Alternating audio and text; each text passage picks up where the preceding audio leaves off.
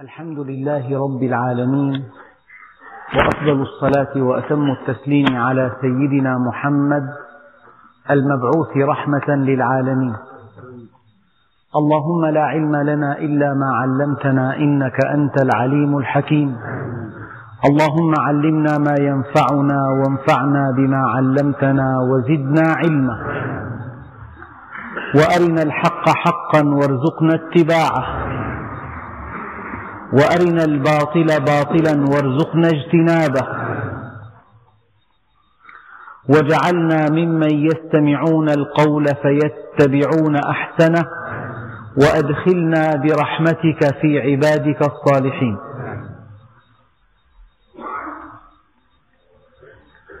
أيها الإخوة المؤمنون مع الدرس الخامس من سورة الحجر وصلنا في الدرس الماضي إلى قوله تعالى وإنا لنحن نحيي ونميت ونحن الوارثون. ولقد علمنا المستقدمين منكم ولقد علمنا المستأخرين. ولقد علمنا المستقدمين منكم ولقد علمنا المستأخرين. للمفسرين في هذه الآية ثمانية اتجاهات. الاتجاه الأول أن الله سبحانه وتعالى علم الذين خلقوا من قبل ويعلم الذين لم يخلقوا بعد. كما قال الإمام علي كرم الله وجهه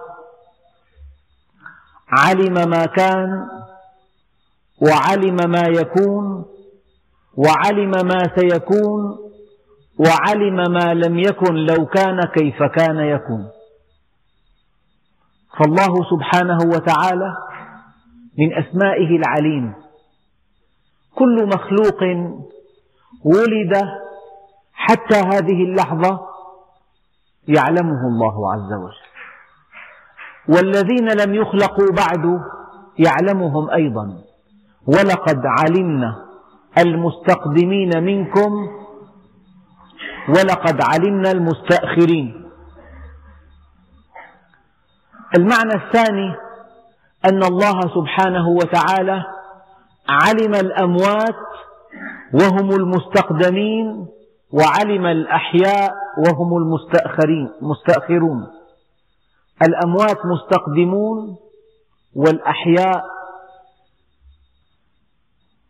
مستأخرون. الله سبحانه وتعالى علم المستقدمين وهم الأموات وعلم المستأخرين وهم الأحياء. هذا الاتجاه الثاني. والاتجاه الثالث علم الله سبحانه وتعالى من تقدم من من الأمم عن أمة محمد صلى الله عليه وسلم ويعلم من يتأخر عن هذه الأمة من الأمم. يعني أن يأتي بعد أمة هذه النبي أمم وشعوب وحضارات وحروب وفتن ودنيا مبهرجة وصراعات ومصائب هذا الذي سيكون يعلمه الله سبحانه وتعالى. والمعنى الرابع الله سبحانه وتعالى يعلم المستقدمين في الطاعات والخيرات. فلان تقدم إلى الطاعة تقدم إلى الخير وفلان تأخر عن الطاعة تأخر عن الخير وقع في المعصية وقع في الضر والأذى. التقدم إلى الطاعة وإلى الخير يعلمه الله والتأخر عن الطاعة إلى المعصية وعن الخير إلى الشر يعلمه الله سبحانه وتعالى. وهذا هو المعنى الرابع. وأما في صفوف الحرب الله سبحانه وتعالى يعلم المتقدمين الذين يضعون أرواحهم على أكفهم الذين لا يهابون الموت الشجعان الذين يبيعون أنفسهم في سبيل الله ولقد علمنا المستقدمين منكم في الحرب ولقد علمنا المستأخرين الذين يخشون الموت. هذا الصحابي الجليل سيدنا عبد الله بن رواحة حينما جاء دوره في قيادة الجيش يعني صاحباه قتلا فلما جاء دوره يبدو أنه تهيب فتردد في تردد ثلاثين ثانية. قال يا نفس إلا تقتلي تموتي هذا حمام الموت قد صليت. إن تفعلي فعله ما رضيت وإن توليت فقد شقيت. وركب فرسه وقاد الجيش وحمل الراية وقاتل بها حتى قتل. ولقد علمنا المستقدمين منكم ولقد علمنا المستأخرين. قال عليه الصلاة والسلام وهو في المدينة أخذ الراية أخوكم زيد فقاتل بها حتى قتل. وإني لأرى مقامه في الجنة. ثم أخذ الراية أخوكم جعفر فقاتل بها حتى قتل. وإني لأرى مقامه في الجنة. ثم سكت النبي عليه الصلاة والسلام. فقلق أصحابه على أخيهم عبد الله بن رواحة. فقالوا يا رسول الله ما فعل عبد الله؟ قال ثم أخذ الراية أخوكم عبد الله فقاتل بها حتى قتل.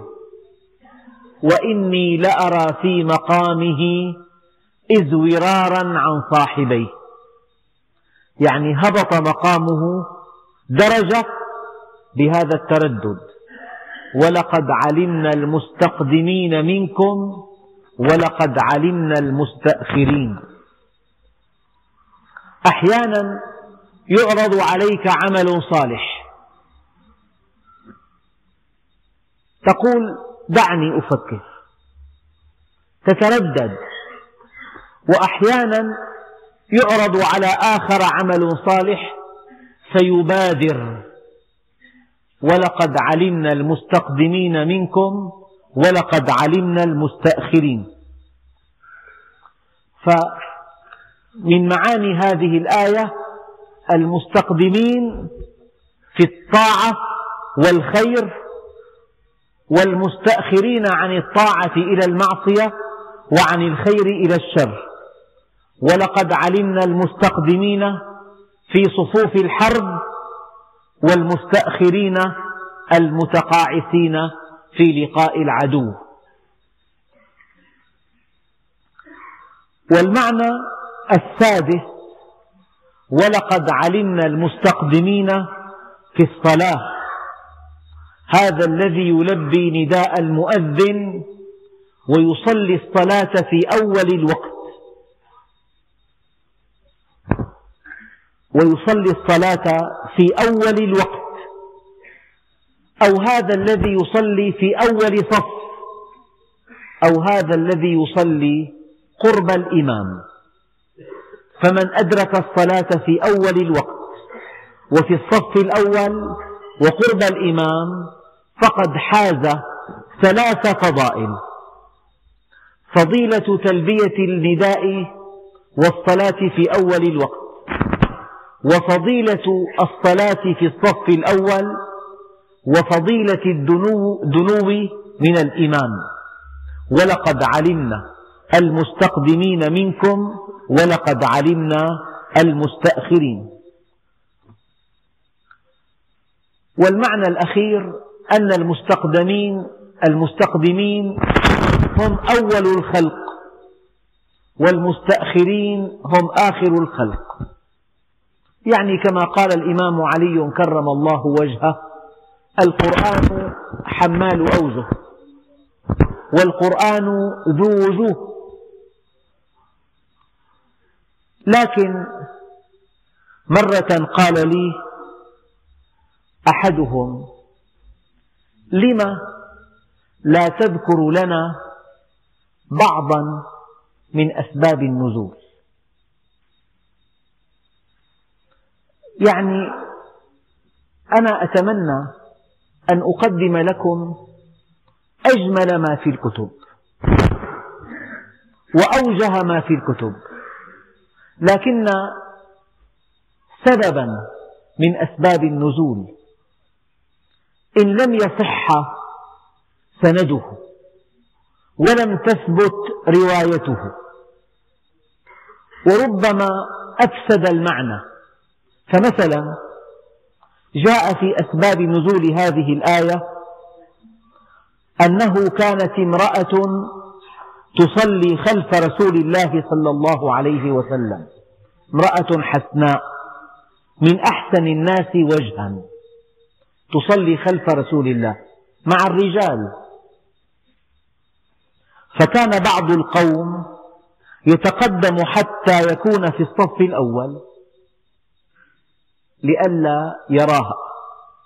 ويتأخر بعضهم حتى يكون في الصف المؤخر فإذا ركع نظر من تحت إبطه. فأنزل الله عز وجل ولقد علمنا المستقدمين منكم ولقد علمنا المستأخرين. هذا شيء لا يصح في حق أصحاب رسول الله. هؤلاء العلماء الحكماء الذين كادوا من فقههم أن يكونوا أنبياء. مع أن الفقهاء اتفقوا جميعا على أن, على أن المرأة إذا حازت الرجل فسدت الصلاة. المرأة ولتكن الزوجة ولتكن الأخت. فكيف تصلي هذه المرأة الحسناء التي هي من أحسن الناس وجها؟ مع خلف رسول الله بين الصحابة وصحابي يتقدمها لئلا يراها وصحابي يصلي خلفها بنية أنه إذا ركع نظر إليها من تحت إبطه. هذا لا يليق بأصحاب رسول الله. فالذي يذكر دائما يعني لعل هذه رواية لم تصح أو لم تثبت من حيث السند أو أنه قد دست في هذا الكتاب أحيانا أو في كتاب آخر على كل أصحاب رسول الله صلى الله عليه وسلم ورضوان الله عليهم. كانوا علماء حكماء كادوا من فقههم أن يكونوا أنبياء. كانوا ورعين. ولقد علمنا المستقدمين منكم ولقد علمنا المستأخرين. شيء آخر. تدل هذه الآية على أن أفضل وقت للصلاة أن تصلى الصلاة في أول الوقت. وقد قرأت حديثا عن رسول الله صلى الله عليه وسلم أنه من أخر الصلاة عن وقتها أذهب الله البركة من عمره. يعني إن كنت غير مشغول يعني الأولى أن تصلي الصلاة في أول الوقت. أن تلبي نداء المؤذن. يقول لك حي على الصلاة حي على الفلاح. أي أقبل حي اسم فعل أمر معناها أقبل. يعني أيها الإنسان أقبل على الصلاة. أقبل على الفلاح. الله سبحانه وتعالى يدعوك لتقف بين يديه. لتتصل به لتقبل عليه. وقد قال عليه الصلاة والسلام لو يعلم الناس ما في النداء والصف الأول ثم لم يجدوا إلا أن يستهموا عليه لاستهموا لو يعلم الناس ما في النداء والصف الأول ثم لم يجدوا إلا أن يستهموا عليه يعني يقترعوا عليه. لاستهموا.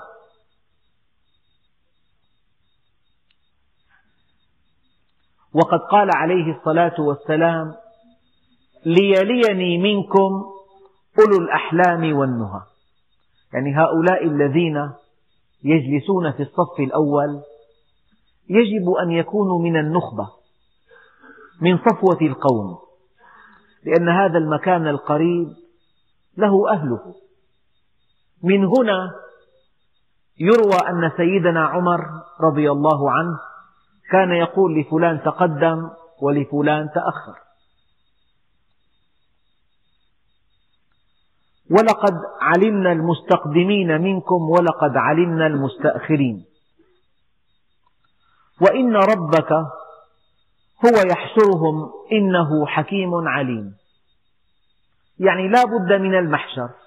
الله سبحانه وتعالى لو أن الإنسان مات غرقا أو مات حرقا أو مات في الجو يقال مثلا الطائرة وقد مات جميع ركابها. يعني احترقوا في الجو. لكن الإنسان كيفما تكون ميتته لا بد من أن يحشره الله سبحانه وتعالى.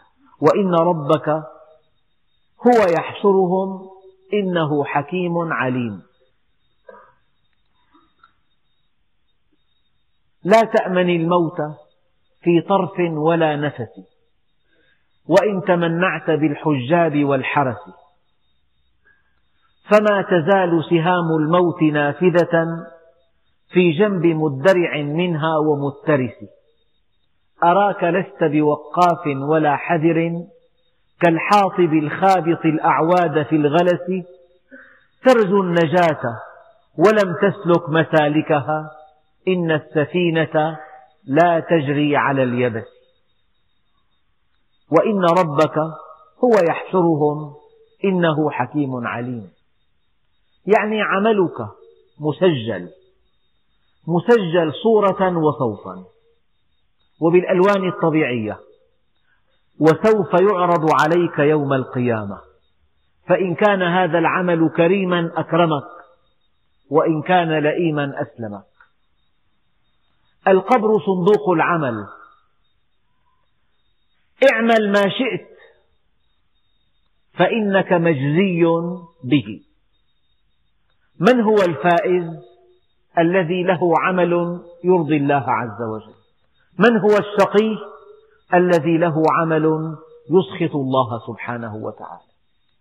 ولأن يسقط الإنسان من السماء إلى الأرض فتنكسر أضلاعه أهون من أن يسقط من عين الله. وإن ربك كلمة رب الذي أمدك بالحياة الذي أمدك بكل شيء. أمدك بزوجة أمدك بالبنين أمدك بهذا الفكر تعيش به. أمدك بهذه القوة أمدك بهذه المحاكمة. أعطاك الخبرة أعطاك إتقان عمل تعيش به. الذي أمدك والذي عالجك في الدنيا كلما انحرفت قوم انحرافك إن ربك هو هو يحشرهم إنه حكيم عليم. يعني يعلم السر وأخفى. قد يحشر الإنسان لإنسان ولكن هذا الذي حشر إليه لا يعلم ماذا اقترف. هو يحشرهم إنه حكيم عليم. يعلم ما يفعلون. يعلم السر وأخفى يعلم خائنة الأعين كل شيء يعلمه. إنه حكيم عليم. ولقد خلقنا الإنسان من صلصال من حمأ مسنون. الإنسان في هذه الآية المقصود به سيدنا آدم عليه وعلى نبينا أفضل الصلاة والسلام. وآدم كما قال عليه الصلاة والسلام ومن دونه تحت لواء يوم القيامة ولا فخر. أنا سيد ولد آدم ولا فخر. فهم أن النبي عليه الصلاة والسلام أول خلق الله رتبة وأن آدم, آدم عليه السلام يليه في المرتبة. يعني سيدنا آدم أفضل الناس كلهم إلا أن يكون النبي. النبي في الأول وسيدنا آدم بعد النبي. آدم ومن دونه تحت لواء. يوم القيامة ولا فخر. وسمي آدم آدما لأنه خلق من أديم الأرض. وأديم الأرض ترابها. ولقد خلقنا الإنسان والمقصود بالإنسان آدم عليه السلام. من صلصال والصلصال هو الطين اليابس. من صلصال من حمأ مسنون.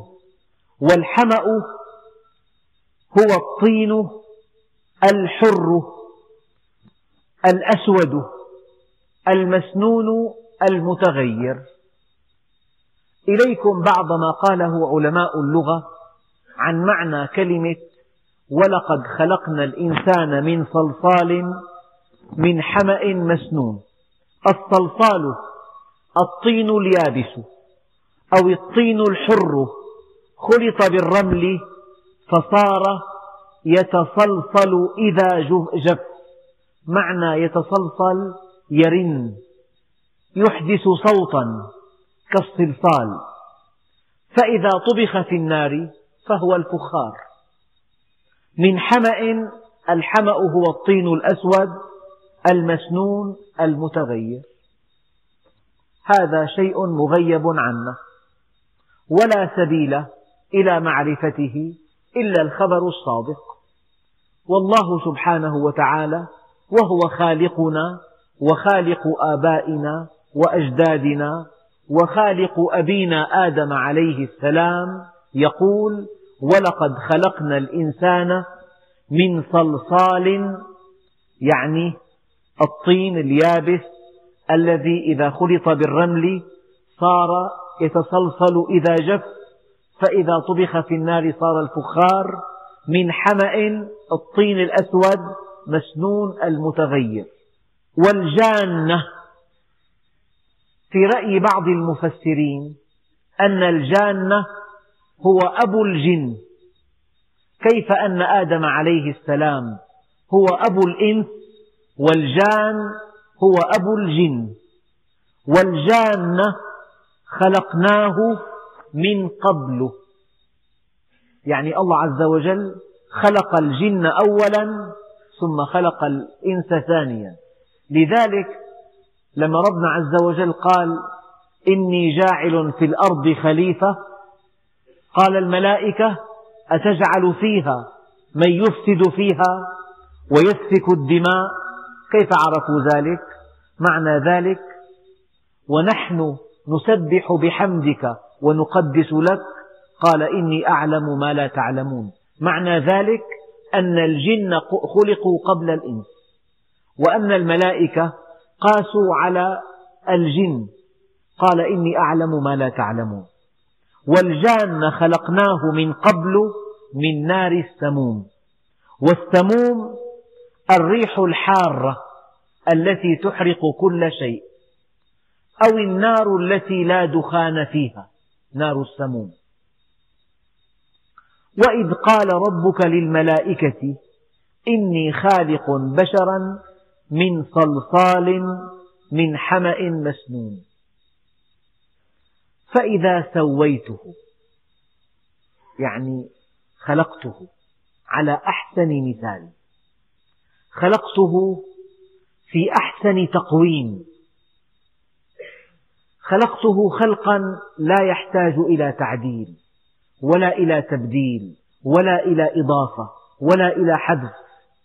إذا السماء انفطرت وإذا الكواكب انتثرت وإذا البحار فجرت وإذا القبور بعثرت علمت نفس ما قدمت وأخرت يا أيها الإنسان ما غرك بربك الكريم الذي خلقك؟ فسواك فعدلك. معنى سواك يعني الأيدي مسواة المفاصل في الأماكن المناسبة. هذا الرسغ مكانه مناسب وحركته مناسبة. في ثمان عظام مسوى وهذا المفصل يقف عند هذا الحد يقفل هنا. أما الركبة تقفل نحو الأمام. خلقك فسواك. الرقبة تدور 170 درجة. وهناك حكمة بالغة من دورانها 170 درجة لا 180 درجة 170 فقط الرقبة وكيف أن العمود الفقري وهو الذي يحوي النخاع الشوكي عبارة عن فقرات متمفصلة تمفصلا جزئيا بحيث أن الإنسان ينحني. فإذا سويته كيف أن الجمجمة قد خلقت على شكل سطوح منحنية متداخلة بعضها في بعض وأن هذه المفاصل الثابتة تقي الإنسان كسر الجمجمة لأن الضربة الشديدة تجعل هذه المفاصل تتداخل. هذا التداخل هو امتصاص للصدمة. خلقك فسواك. كيف أن هذا الفك هو الذي يتحرك الأسفل؟ لو أن هذا الفك الأسفل ثابت مع الرقبة والذي يتحرك هو الأعلى. منظر بشع وقبيح. خلقك فسواك. الأنف في مكانه الصحيح. وفي الطول المناسب. والمقدمة غضروفية لو أن هنا لو أن العظم ينتهي إلى هنا يعني لا بد من كسر بشكل أو بآخر. لكن المنطقة الحساسة التي يمكن أن تصطدم مؤلفة من مادة غضروفية. خلقك فسواك. وأن هذه العين جعلها الله في مغارة. حصن حصين. لو تلقى الإنسان لكمة لو وقع على الأرض عينه في مأمن. هذه العين خطيرة جدا. جعلها الله في مأمن. وهذا الدماغ خطير جدا جعله الله في حجرة وبينه وبين الجدار سائل يمتص الصدمات. وهذا القلب الخطير جدا جعله الله في القفص الصدري. وهذا النخاع الشوكي الخطير جدا جعله الله في العمود الفقري. وهذا الرحم الخطير جدا جعله الله في الحوض في مكان مكين. ومعامل كريات الدم الحمراء خطيرة جدا جعلها الله داخل العظام. وعظام الفخذ تنتهي برقبة. هذه الرقبة تتحمل 250 كيلو ضغط. يعني الإنسان يتحمل نصف طن ضغط من أعلى. ولا تنكسر هذه العظام. هذه الغضاريف هذه المفاصل محافظ المواد السائلة الهلامية الروابط العضلات. فإذا سويته ونفخت فيه من روحي هل بلغكم أن الإنسان طرأ على خلقه تعديل؟ صنع الإنسان آية كبرى على آيات على عظمة الله آية كبرى. انظر إلى سيارة صنعت. أول ما صنعت. شيء يضحك يبعث على الضحك. أن العجلات من الخشب وأن الإضاءة عن طريق الفوانيس الفوانيس وأن, لا وأن لهذه السيارة حركة واحدة. بطيئة ولها صوت يملأ الدنيا صخبا. وانظر إلى سيارة صنعت في عام 1986 الإنسان صنعته تتكامل لكن الله سبحانه وتعالى هو المطلق فخلق الإنسان كامل. لم يطرأ عليه أي تبديل ولا تعديل ولا تغيير ولا إضافة. ولا حذف ولقد خلقنا الإنسان في أحسن تقويم. صنع الله الذي أتقن كل شيء. إتقان الصنعة دليل على وجود الله عز وجل. المتقن. فإذا سويته ونفخت فيه من روحي. يعني هذا الإنسان من عظام ولحم ودم وشرايين وأوردة وأجهزة ما الحياة؟ كيف يمشي؟ كيف يتكلم؟ كيف يفكر؟ كيف يرى؟ كيف يدرك؟ كيف يحاكم؟ كيف يسمع؟ كيف يطرب؟ كيف ينزعج؟ كيف يتقيأ؟ كيف يهضم الطعام؟ كيف يصفي الدم؟ كيف ينبض القلب؟ كيف تتحرك الرئتان هو الحياة هذا الذي فقد روحه ماذا فقد؟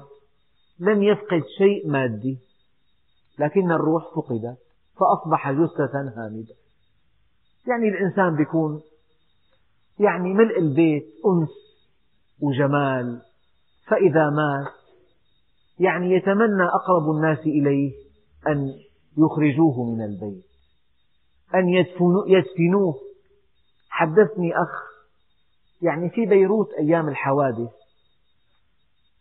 شخص توفي في بيته والطرقات كلها مقطوعة والقنص على أشده والحركة واقفة. تحمله أهله يوما ثم ألقوه من الشرطة إلى الأرض. أب يملأ البيت أنسا وسعادة فلما سحبت منه الروح ماذا فعل أقرب الناس إليه؟ زوجته أولاده. ماذا قرروا؟ أن يلقوه من الطابق الرابع من الشرفة هكذا على الأرض. طرق مقطوعة لأنه لم يتحملوا رائحة رائحته بعد الموت. يا أيها الإنسان ما غرك بربك الكريم؟ الذي خلقك فسواك فعدلك صنع الله الذي أتقن كل شيء فإذا سويته ونفخت فيه من روحي. هذه الروح من أوجه التفسيرات هي الحياة. الله سبحانه وتعالى نفخ فينا من روحه. أما كلمة من روحي هذا تكريم للإنسان وتشريف له واصطفاء له نسب الروح لذاته فإذا سويته ونفخت فيه من روحي هو مكرم. لقد قبل أن يحمل الأمانة. إنا عرضنا الأمانة على السماوات والأرض والجبال فأبين أن يحملنها وأشفقن منها وحملها الإنسان. فلما حملها الإنسان استحق أن يكون مكرما. ولقد كرمنا بني آدم وحملناهم في البر والبحر ورزقناهم من الطيبات وفضلناهم على كثير ممن خلقنا تفضيلا. أنت مكرم. ليتك تعرف نفسك. ليتك تعرف شأنك عند الله. ليتك تعرف المهمة التي خلقت من أجلها. ليتك تعرف. ليتك تعرف أنك في وقت كيف تمضيه؟ طريقة تمضية هذا الوقت سيحدد مصيرك. إما إلى جنة يدوم نعيمها أو إلى نار محرقة تنضج الجلود وتلفح الوجوه لا ينفد عذابه. ليتك تعرف من أنت. أتحسب أنك جرم صغير؟ وفيك انطوى العالم الأكبر. طهرت منظري سنين. طهرت منظر الخلق سنين. أفلا طهرت منظري ساعة؟ نسوا الله فأنساهم أنفسهم. يعني أنساهم نسيان الله أنفسهم. لما نسيت الله جهلت نفسك. من أنت؟ قد يقول لك الإنسان حيوان ناطق من قال لك إن الإنسان حيوان الإنسان إنسان مكرم هذه الحيوانات أمام عينيك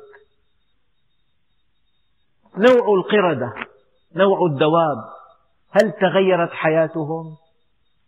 هل أعطوا هذا الفكر الذي أعطيته؟ هل طوروا حياتهم؟ هل سكنوا في البيوت؟ هل ارتدوا الثياب؟ هل نظموا حياتهم؟ الإنسان ليس حيوان ناطق وليس حيوان اجتماعي الإنسان إنسان ولقد كرمنا بني آدم فإذا سويته ونفخت فيه من روحي فقعوا له ساجدين العلماء قالوا هذا السجود سجود التحية والتكريم وليس سجود وليس سجود العبادة. خرج مسلم من حديث عروة عن عائشة قالت قال الرسول صلى الله عليه وسلم خلقت الملائكة من نور وخلق الجان من مارج من نار وخلق آدم مما وصف لكم. والإمام علي كرم الله وجهه يقول ركب الحيوان من شهوة بلا عقل وركب الملك من عقل بلا شهوة وركب الإنسان من كليهما فإذا سمى عقله على شهوته أصبح فوق الملائكة وإذا سمت شهوته على عقله أصبح دون الحيوان. فإذا سويته ونفخت فيه من روحي فقعوا له ساجدين. إعلاما إلى أن الإنسان إذا عرف الله عز وجل فاق بهذه المعرفة الملائكة المقربين. ما من مخلوق يفوق الإنسان المؤمن. فإذا هوى كان في أسفل سافلين. إن الذين آمنوا وعملوا الصالحات أولئك هم خير البرية. إن الذين كفروا من أهل الكتاب والمشركين في نار جهنم أولئك هم شر البرية. يعني الإنسان إما أن يكون خير البرية وإما أن يكون شر البرية. والإنسان إما أن يكون برا تقيا كريما على الله وإما أن يكون فاجرا شقيا هينا على الله. فإذا سويته ونفخت فيه من روحي فقعوا له ساجدين. يعني أمر بالسجود. سجود التكريم لعلمه بأسماء الله الحسنى. فسجد الملائكة كلهم أجمعون. من قال لكم إن الشيطان من الملائكة فقولوا له ليس كذلك والدليل هذه الآية. فسجد الملائكة كلهم أجمعون. إلا إبليس. هذا الاستثناء يسميه علماء النحو استثناء منقطعا. يعني الملائكة وإبليس اشتركا في أمر السجود ولم يشتركا في طبيعة الخلق. كأن تقول حضر الطلاب إلا المدرس فالمدرس ليس طالبا. المعلم معلم والطالب طالب إلا أنهما اشتركا في الحضور. فاستثنيت المعلم استثناء منقطعا. فسجد الملائكة كلهم أجمعون إلا إبليس أبى أن يكون مع الساجدين. قال يا إبليس ما لك ألا تكون مع الساجدين؟ قال لم أكن لأسجد لبشر خلقته من صلصال من حمأ مسنون. يعني توهم إبليس أن خلقه من نار وأن النار أشرف من الطين. لذلك كبره واستعلاؤه ونظره لذاته حجبه عن حقيقة آدم فأبى أن يسجد له. هذا الكلام ماذا, ماذا يفيدنا؟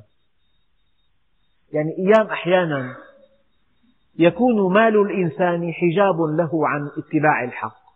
هذا الذي يتكلم فقير وأنا غني أيعقل أن أجلس في مجلسه؟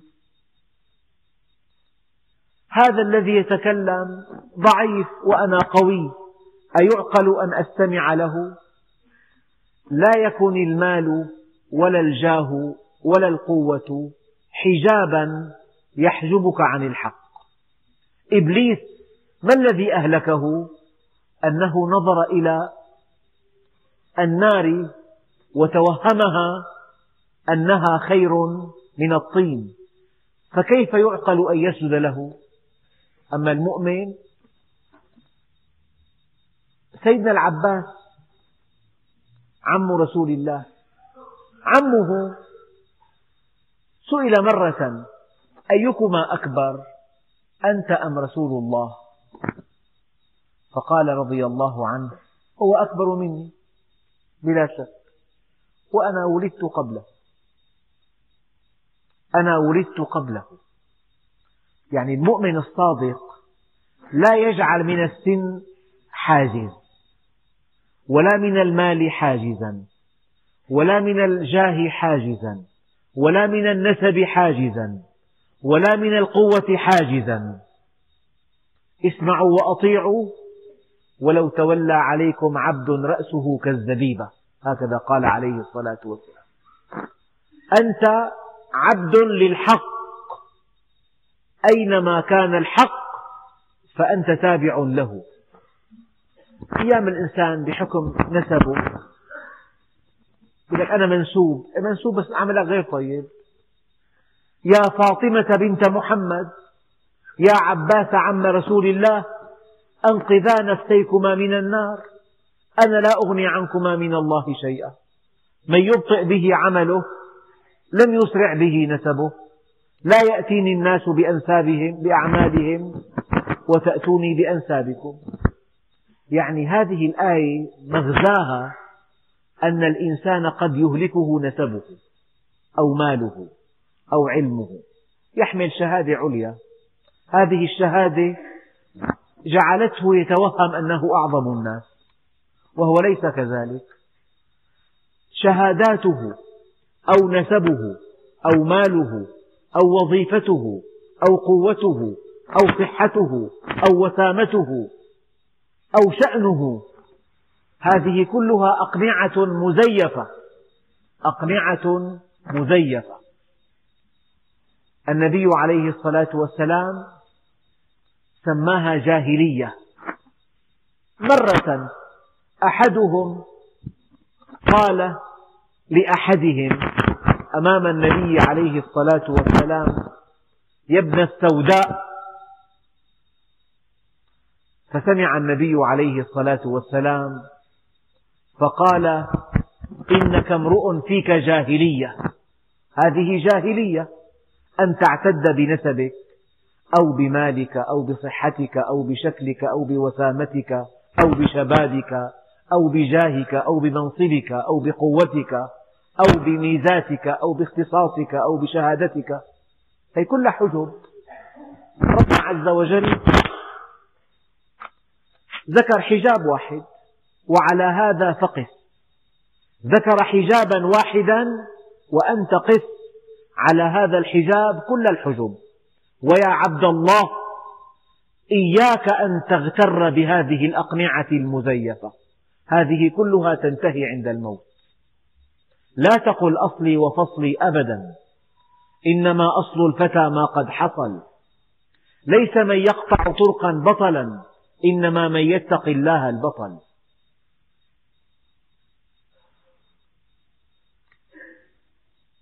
قال يا إبليس ما لك ألا تكون مع الساجدين؟ قال لم أكن لأسجد لبشر خلقته من صلصال من حمأ مسنون. قال فاخرج منها فإنك رجيم. معنى رجيم أي أنت في الأرض ولن تستطيع أن تصل إلى السماء. فإذا سولت لك نفسك أن تصعد إلى السماء جاءك شهاب ثاقب فأحرقك. إنك رجيم. إذا ابق في الأرض. السماء محرمة عليك. هذه للملائكة ولعبادي المؤمنين. أخرج منها فإنك رجيم. وإن عليك اللعنة إلى يوم الدين البعد. والله الذي لا إله إلا هو. لو حصلت الدنيا بأكملها. وأبعدك الله عن حضرته. فأنت أشقى الأشقياء. ولو خسرت الدنيا كلها وقربك الله إليه فأنت أسعد السعداء. اخرج منها فإنك رجيم.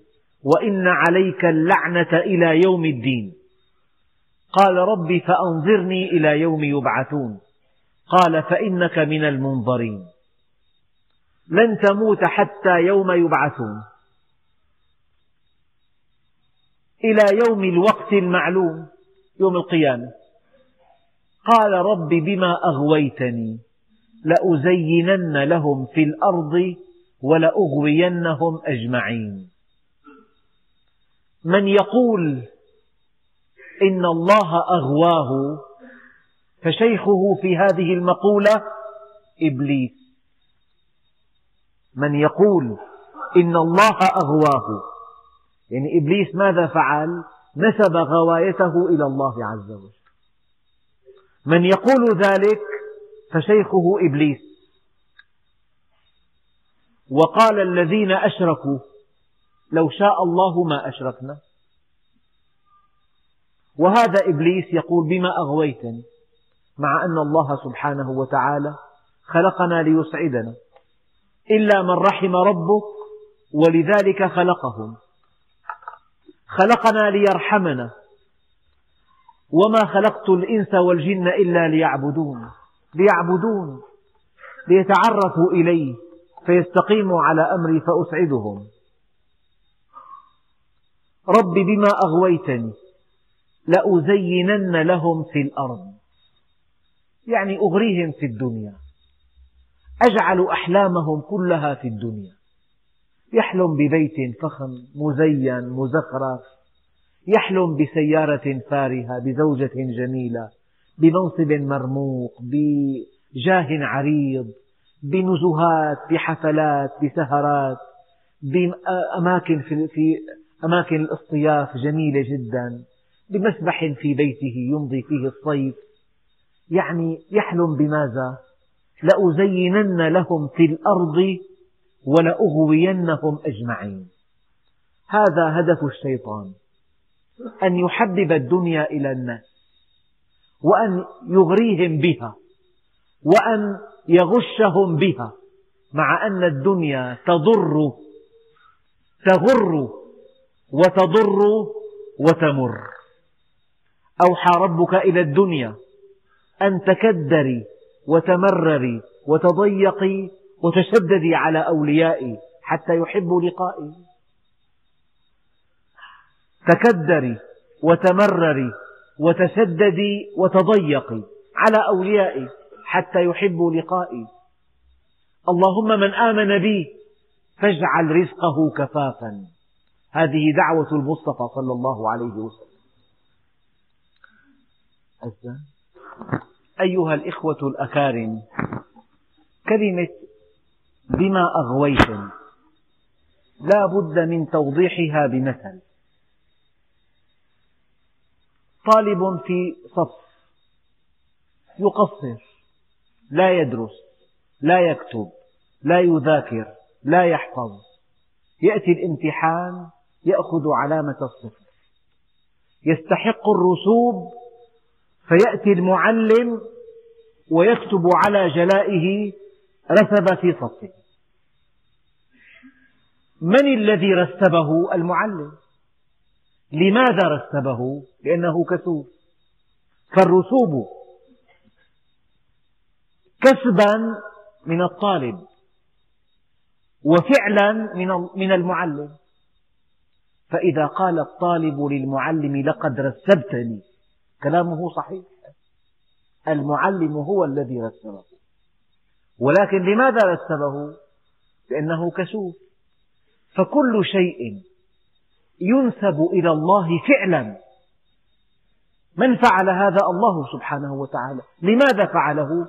وفق العدل والاستحقاق. هذا أوضح مثال يفسر هذه الآية. رب بما أغويتني. الغواية فعلا كأن يقول بما أرسبتني قصر في الدراسة فاستحق الرسوب فرسبه المعلم فقال للمعلم بما أرسبتني لأغري جميع الطلاب أن يكونوا كسالى مثلي.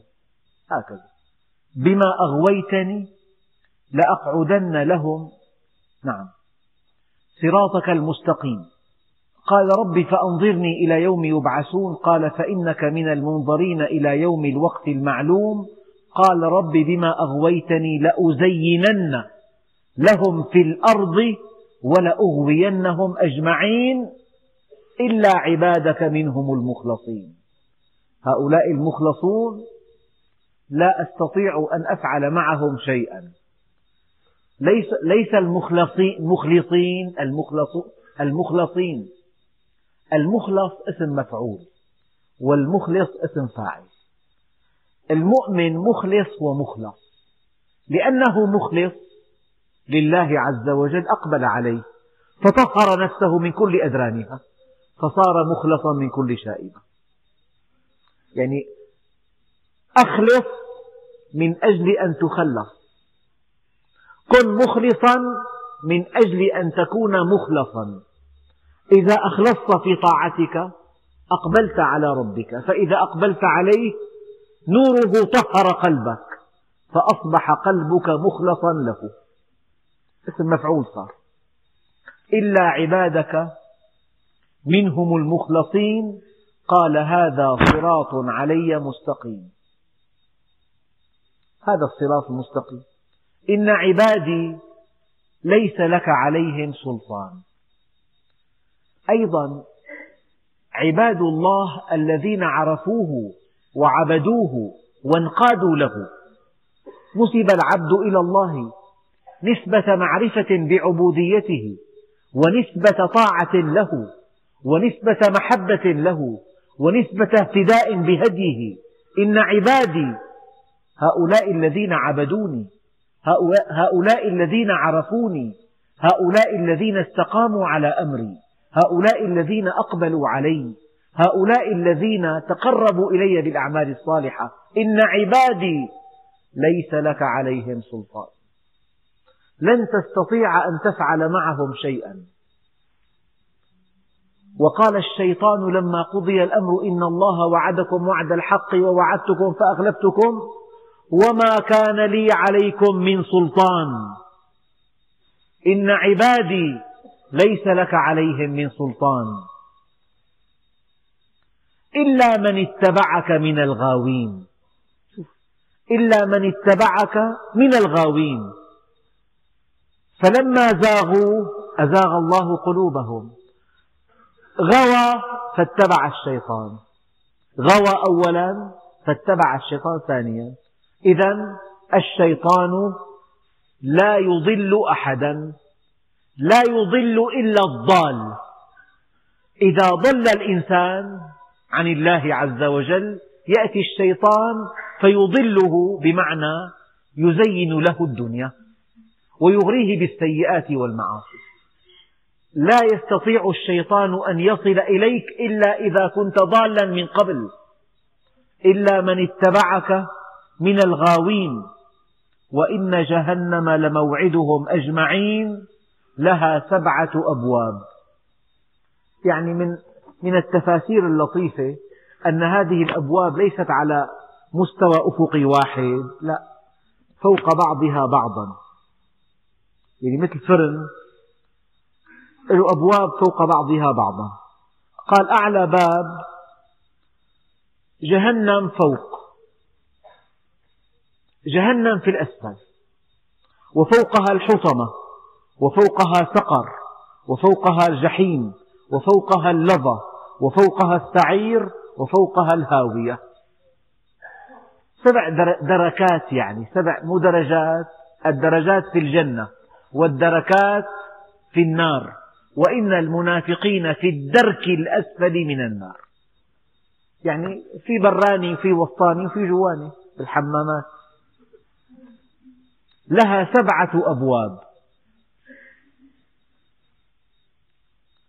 لكل باب منهم جزء مقسوم. وفي الدرس القادم إن شاء الله تعالى نتحدث عن المتقين الذين هم في جنات وعيون. ادخلوها بسلام آمنين. ونزعنا ما في صدورهم من غل إخوانا على سرر متقابلين. لا يمسهم فيها نصب وما هم منها بمخرجين. نبئ عبادي أني أنا الغفور الرحيم وأن عذابي هو العذاب الأليم. والحمد لله رب العالمين. تم التسليم على سيدنا محمد المبعوث رحمة للعالمين. اللهم اجعل جمعنا هذا جمعا مباركا مرحوما واجعل تفرقنا من بعده تفرقا معصوما ولا تجعل فينا ولا منا ولا معنا شقيا ولا محروما. اللهم كما هديتنا للإسلام فثبتنا عليه. اللهم ألزمنا سبيل الاستقامة لا نحيد عنها أبدا. واهدنا لصالح الأعمال لا يهدي لصالحها إلا أنت. وصلى الله على سيدنا محمد وعلى آله وصحبه وسلم. والحمد لله رب العالمين. الفاتح